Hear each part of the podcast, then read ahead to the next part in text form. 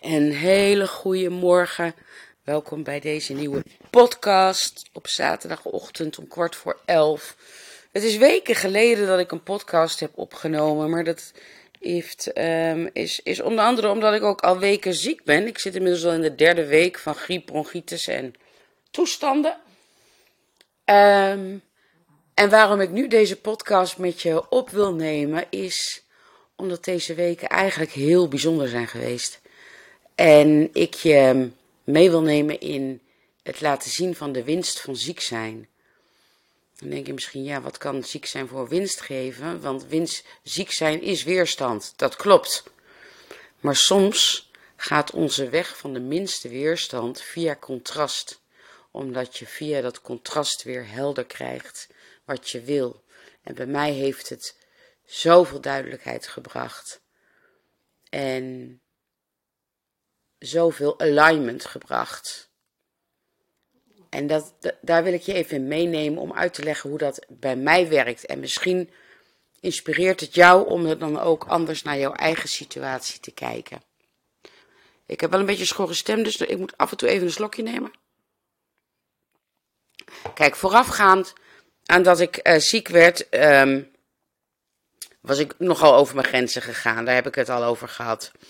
Um, en dat betekent dus heel erg naar buiten gericht, zorgen voor anderen, er voor anderen zijn.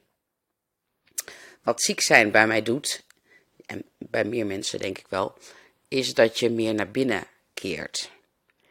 En ik doe dat vrij extreem. Dat kan ik trouwens vaker doen, ook zonder dat ik ziek ben.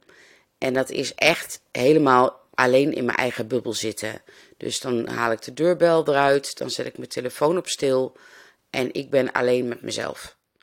En dat vind ik zalig. Ik vind het zalig om de hele buitenwereld buiten te sluiten. Geen journaal. Dus verkiezingen zijn ook helemaal langs. Ik heb wel gestemd, maar ik heb niks gevolgd. Dus de uitslag was voor mij echt een, um, uh, een enorme verrassing, zou ik maar zeggen.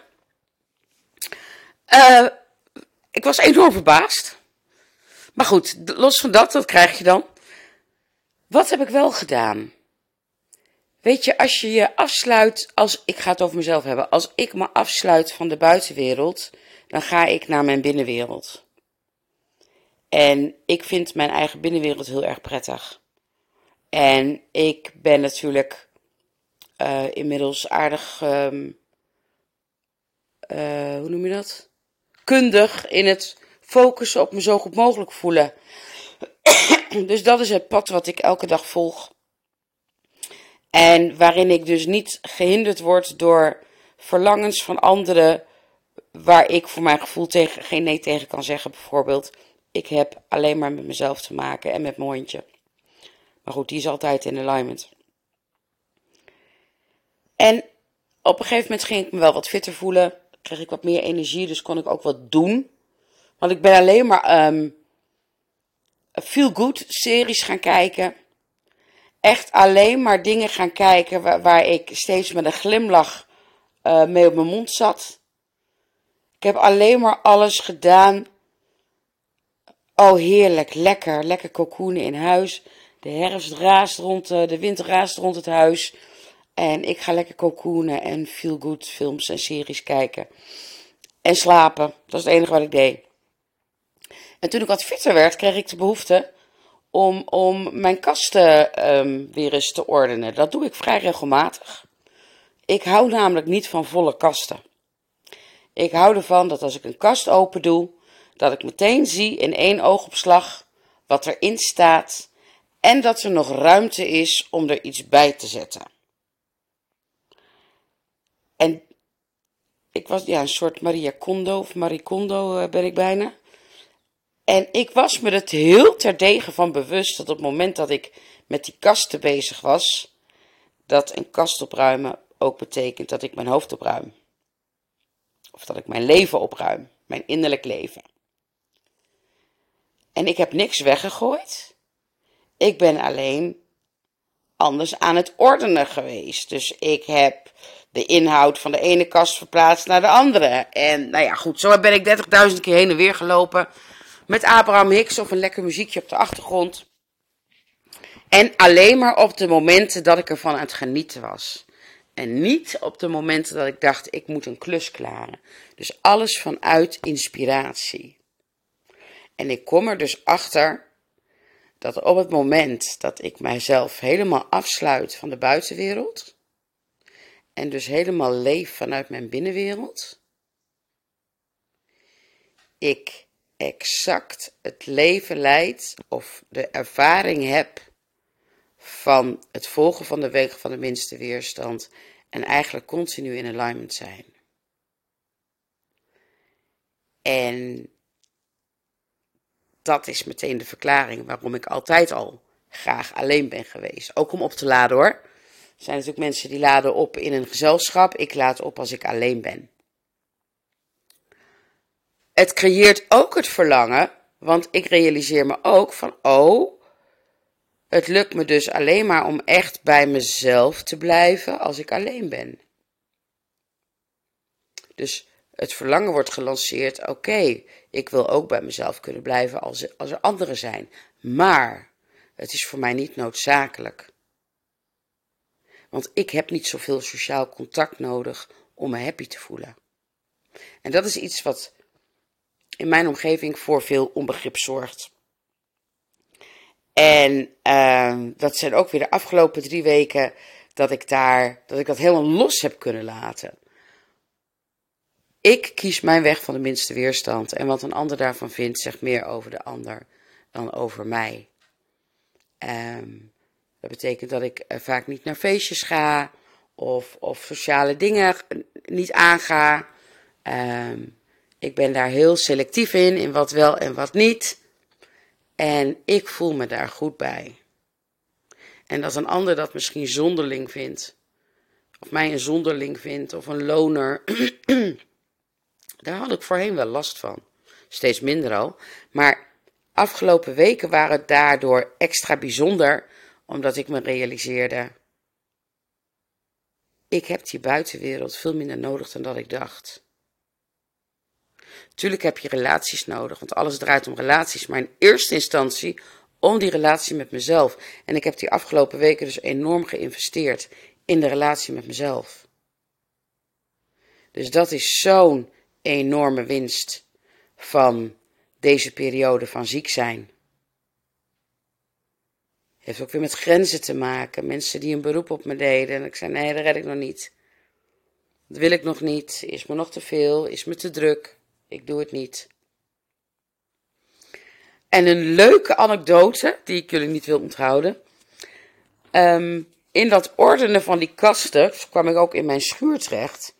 En die had ik al uh, van de zomer helemaal um, leeggetrokken. En de helft ervan naar de, naar de, ja, hier heet dat lage maat, hoe noem je dat, naar de stort gebracht. Er stond één doos vol cd's. En die wilde ik niet naar de stort doen. Dat ging me te ver. Dus die wilde ik naar de uh, kringloop brengen. En ik had meer dingen die ik naar de kringloop wilde brengen. Dus ik had al geprobeerd om contact met ze op te nemen. Ik moest een bericht inspreken. Zou ik teruggebeld worden? Heb ik twee keer gedaan. Ik ben nooit teruggebeld. Uiteindelijk heb ik al die spullen die ik naar de kringloop wilde brengen aan de rand van de straat gezet. En het meeste is meegenomen, behalve die doos met cd's. En eh, misschien zijn er een paar cd's uitgehaald, dat zou ik niet weten. Maar die doos is niet meegenomen. Dus die stond weer in mijn schuur. En die stond me daar eigenlijk in de weg, want ik wil ook mijn schuur overzichtelijk hebben. En dat ik me daar makkelijk in kan bewegen en dat ik niet struikel over een doos. En van de week dacht ik dus ook, die cd's, is eigenlijk zonde, die moeten naar binnen. Want ik heb ruimte in mijn kasten. Ik heb ruimte over. Ik heb lege planken. Ik ga die cd's daar neerzetten. En dan zie ik wel wat ik daar tegen die tijd mee wil.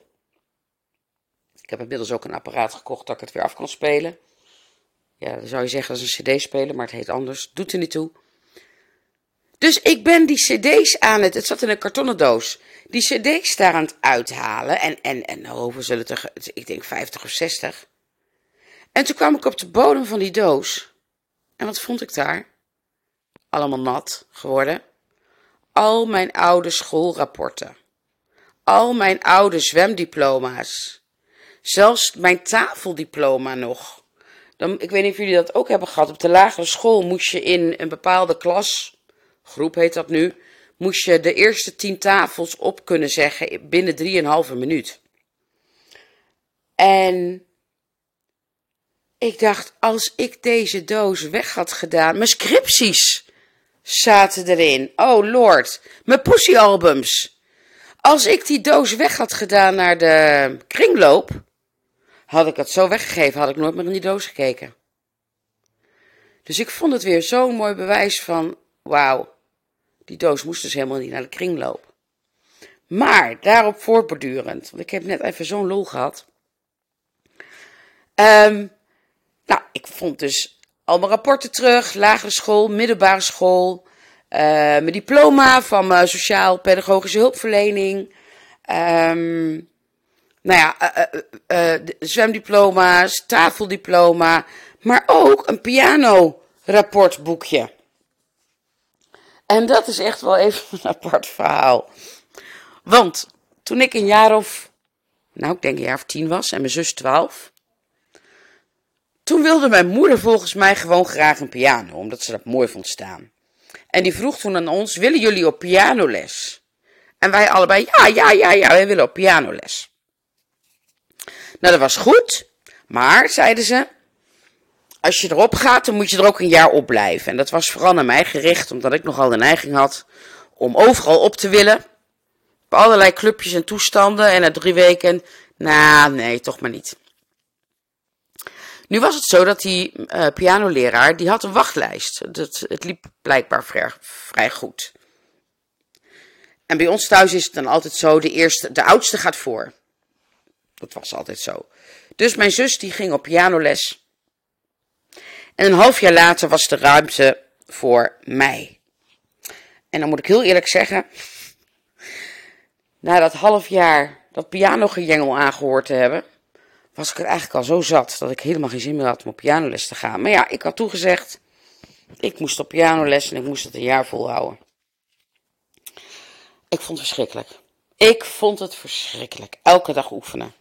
Want je speelt natuurlijk niet meteen Vuur Elise of, of Mozart of weet ik veel wat. Nee, dat begint met Boer, ligt een kip in het water.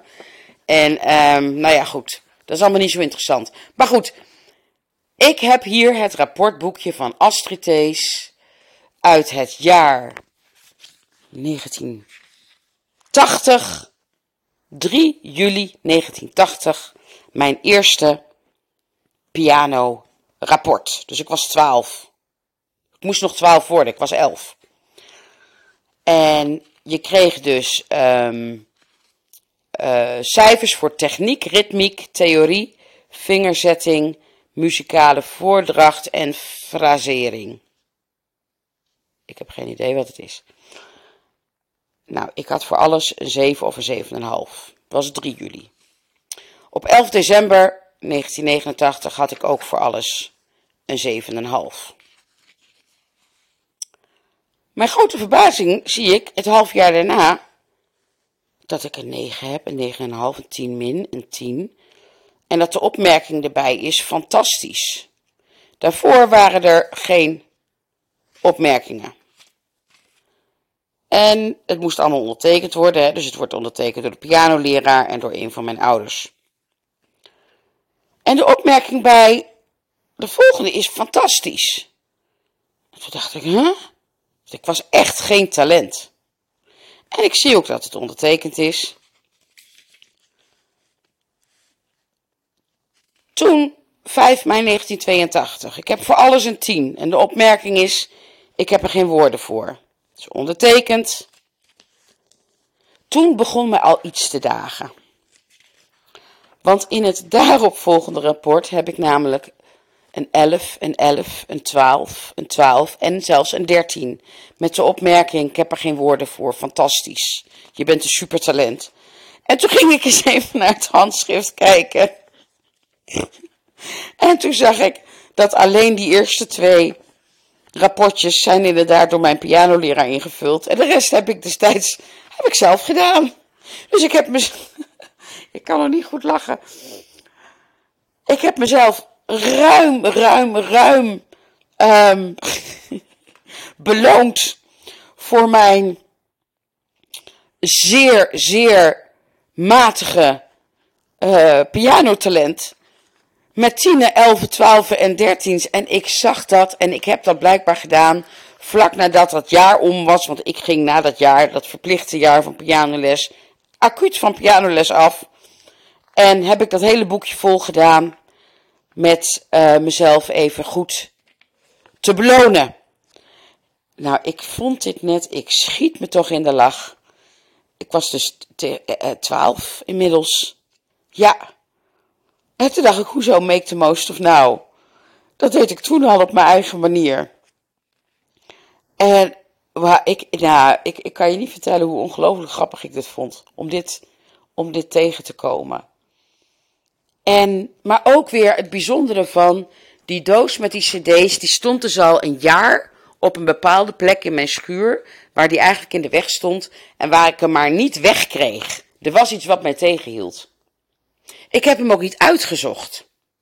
Ik heb niet even die cd's eruit gehaald om te kijken of er ook nog wat de bodem lag.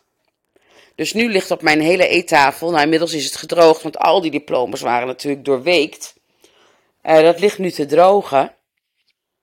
Maar op het moment dat ik die doos gisteren naar binnen haalde, en ik haal die, of eergisteren weet ik veel, en ik haal die cd's eruit en ik vind dat, mijn scriptie van de sociaal pedagoog, of van de uh, uh, HBO, van SPH-opleiding, mijn verslag van een onderzoek wat ik gedaan heb in opdracht van Wijkteam Zeist-West, uh, plus alle andere dingen. Oh, een, een blad uit de zorg waar ik in stond in een interview met foto's plus al die diploma's, plus poesiealbums, plus nog boekjes, um, um, soort dagboekjes.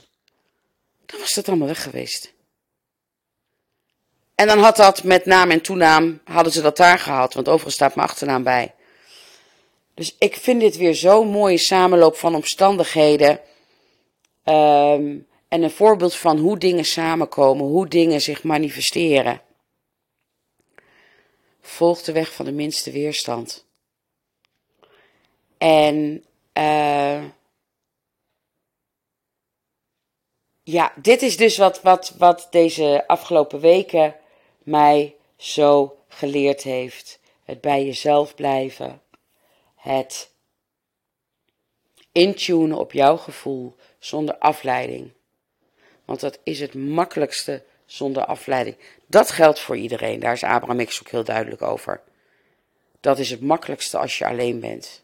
Geen mensen die wat van je willen, geen kinderen die wat van je verlangen. Dat, dat geldt voor iedereen. Maar misschien heb jij ook wel eens een periode dat je uh, wat langer alleen bent. Of misschien kun je ze creëren voor jezelf. Ik ben zelfs in deze week, weken, uh, ik kreeg enorm veel inspiratie voor mijn werk, voor plannen, voor programma's. Want dat is wat het doet. Als je zo dicht bij jezelf blijft, ingetuned bent op je gevoel en je focust je op je zo goed mogelijk voelen, dan sta je in die ontvangstmodus. Dan ben je eh, eh, in perfecte harmonie met het, met, met het totaal van wie je bent. Dan ben je in verbinding met jezelf. Dan kan het stromen. Dan kun je alles al die energie downloaden, ontvangen, hoe je het wil doen. En dit weten mijn klanten nog niet. Ik heb het ze nog niet verklapt, maar als ze naar de podcast luisteren, dan horen ze het. Ik ga dus volgend jaar, 2024, in mijn programma het jaar uitroepen tot het jaar van het puur en gezonde egoïsme. En ik noem het heel bewust egoïsme en geen zelfliefde. En ik zal je uitleggen waarom. Zelfliefde klinkt best wel in mijn oren zacht. Zelfliefde, mijn eerste um, as associatie daarbij is. Oh, lekker met een dekentje op de bank, even wat tijd voor jezelf nemen, een kopje thee. Zelfliefde is een dagje naar de sauna gaan. Zelfliefde is uh, lekker eten waar je zin in hebt. En dat is het ook. En dat is top. En dat moet je vooral blijven doen. Egoïsme betekent eigenlijk wat ik de afgelopen weken heb gedaan. Alleen maar fine-tune op mijn eigen gevoel, mijn eigen gevoel, mijn eigen gevoel, mijn eigen gevoel. De buitenwereld volledig buitengesloten. Nu snap ik dat dat niet altijd kan. Dat kan ik ook niet altijd. Maar ik wil dat het echt knetterhelder duidelijk wordt wat egoïsme werkelijk is. Ik krijg al wel eens te horen dat men mij wat egoïstisch vindt. Jij denkt ook alleen maar aan jezelf. En ik zie het als een compliment. Denk, wauw, ik doe het blijkbaar goed. Ik denk alleen maar aan mezelf, ja. Dat klopt. Ik focus me op me zo goed mogelijk voelen. En van daaruit kan ik er zijn voor anderen. En voordat ik ziek werd, blijkt maar weer dat ik daar ook nog les in te leren heb. Want er zijn ook situaties waarin ik het verdomd moeilijk vind. En ik helemaal voor de ander ga. Maar dat resulteert weer in dit inzicht nu. Dus vanuit dat contrast is dit inzicht weer ontstaan. Is deze ervaring weer ontstaan. Is deze behoefte ontstaan. Is dit verlangen ontstaan. En heb ik dat ook meteen in actie omgezet. en het ziek zijn maakte het alleen maar makkelijker. Sorry. Want daarbij hoefde ik geen verantwoording af te leggen. Want iedereen snapt als je ziek bent, ja, nee, dan kan je iemand niet vragen om allerlei klusjes voor je op te knappen.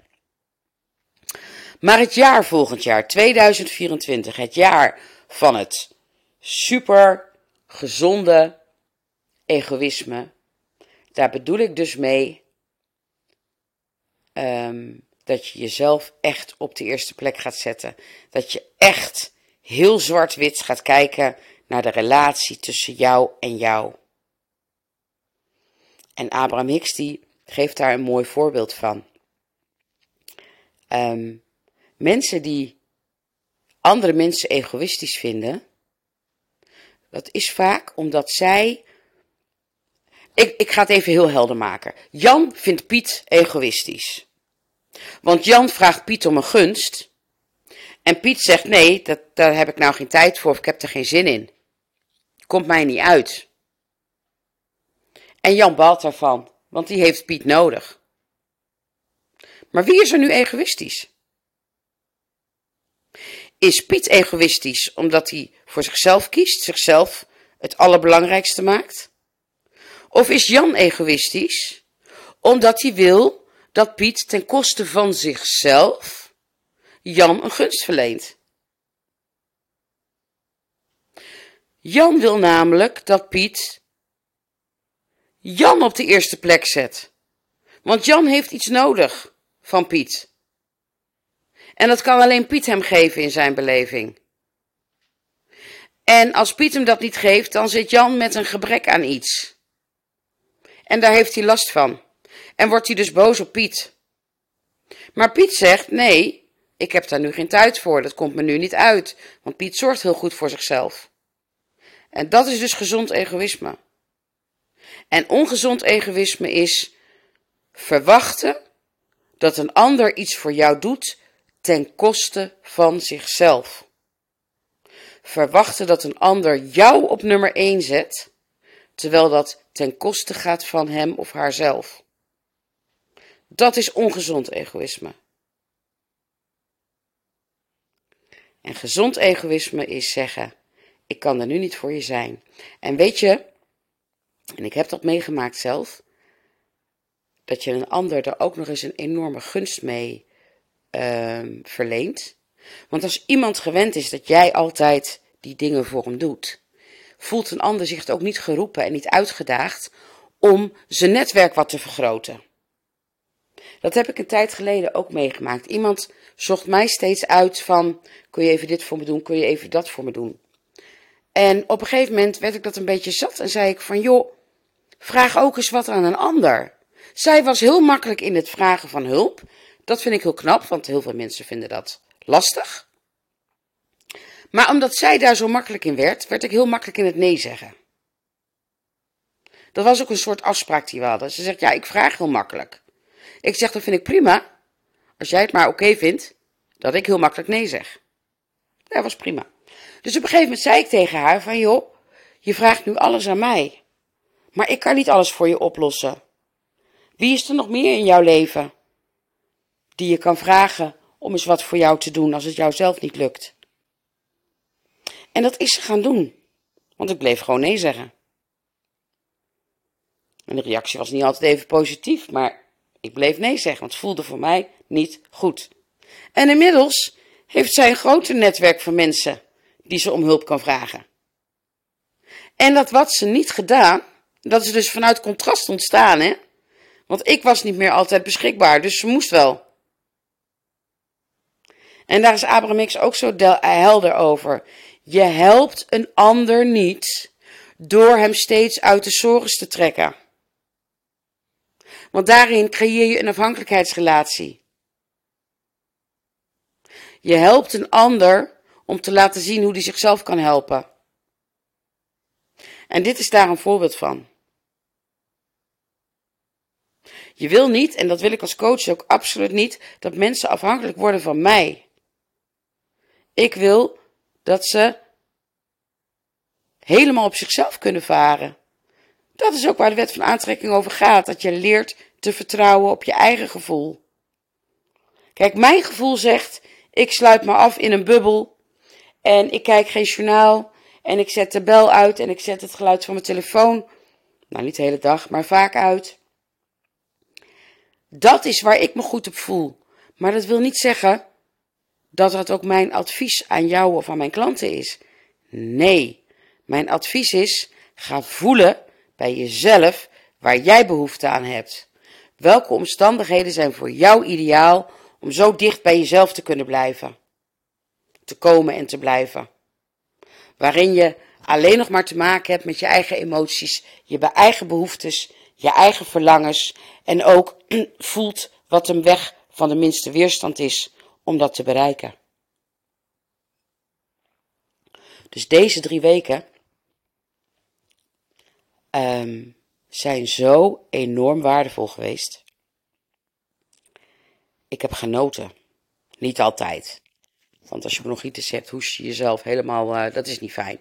Maar alle momenten daartussenin, en zeker de laatste anderhalve week, dat het hoest een stuk minder is, ik heb genoten. Ik ben ontspannen, merk ik. Ik erger me nergens aan. Ik geniet. En zelfs nu ik zie dat de PVV 37 zetels heeft, merk ik dat ik. Een paar jaar terug zou mij dat nog negatief triggeren, want het is niet mijn partij.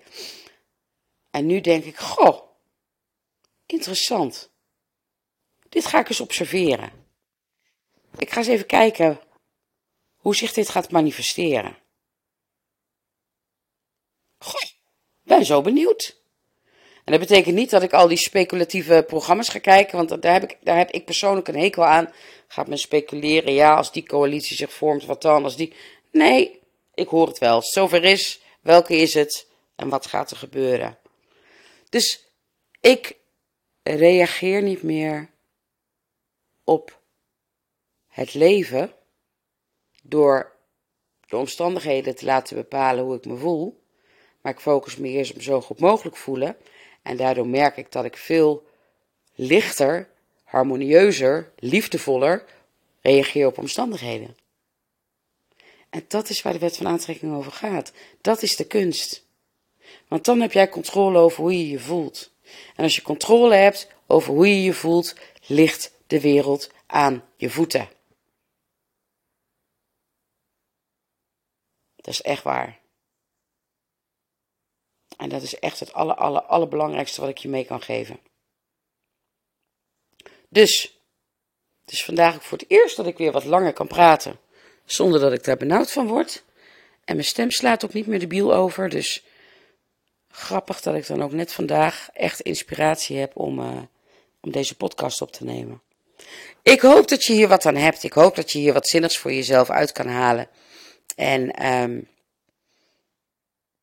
dat het je weer een tool geeft om verder te gaan op jouw eigen unieke pad, waarbij jij intuned op jouw emoties, jouw verlangens en jouw weg van de minste weerstand. Ik wens je, wens je een hele fijne dag. Make the most of now. En tot heel gauw.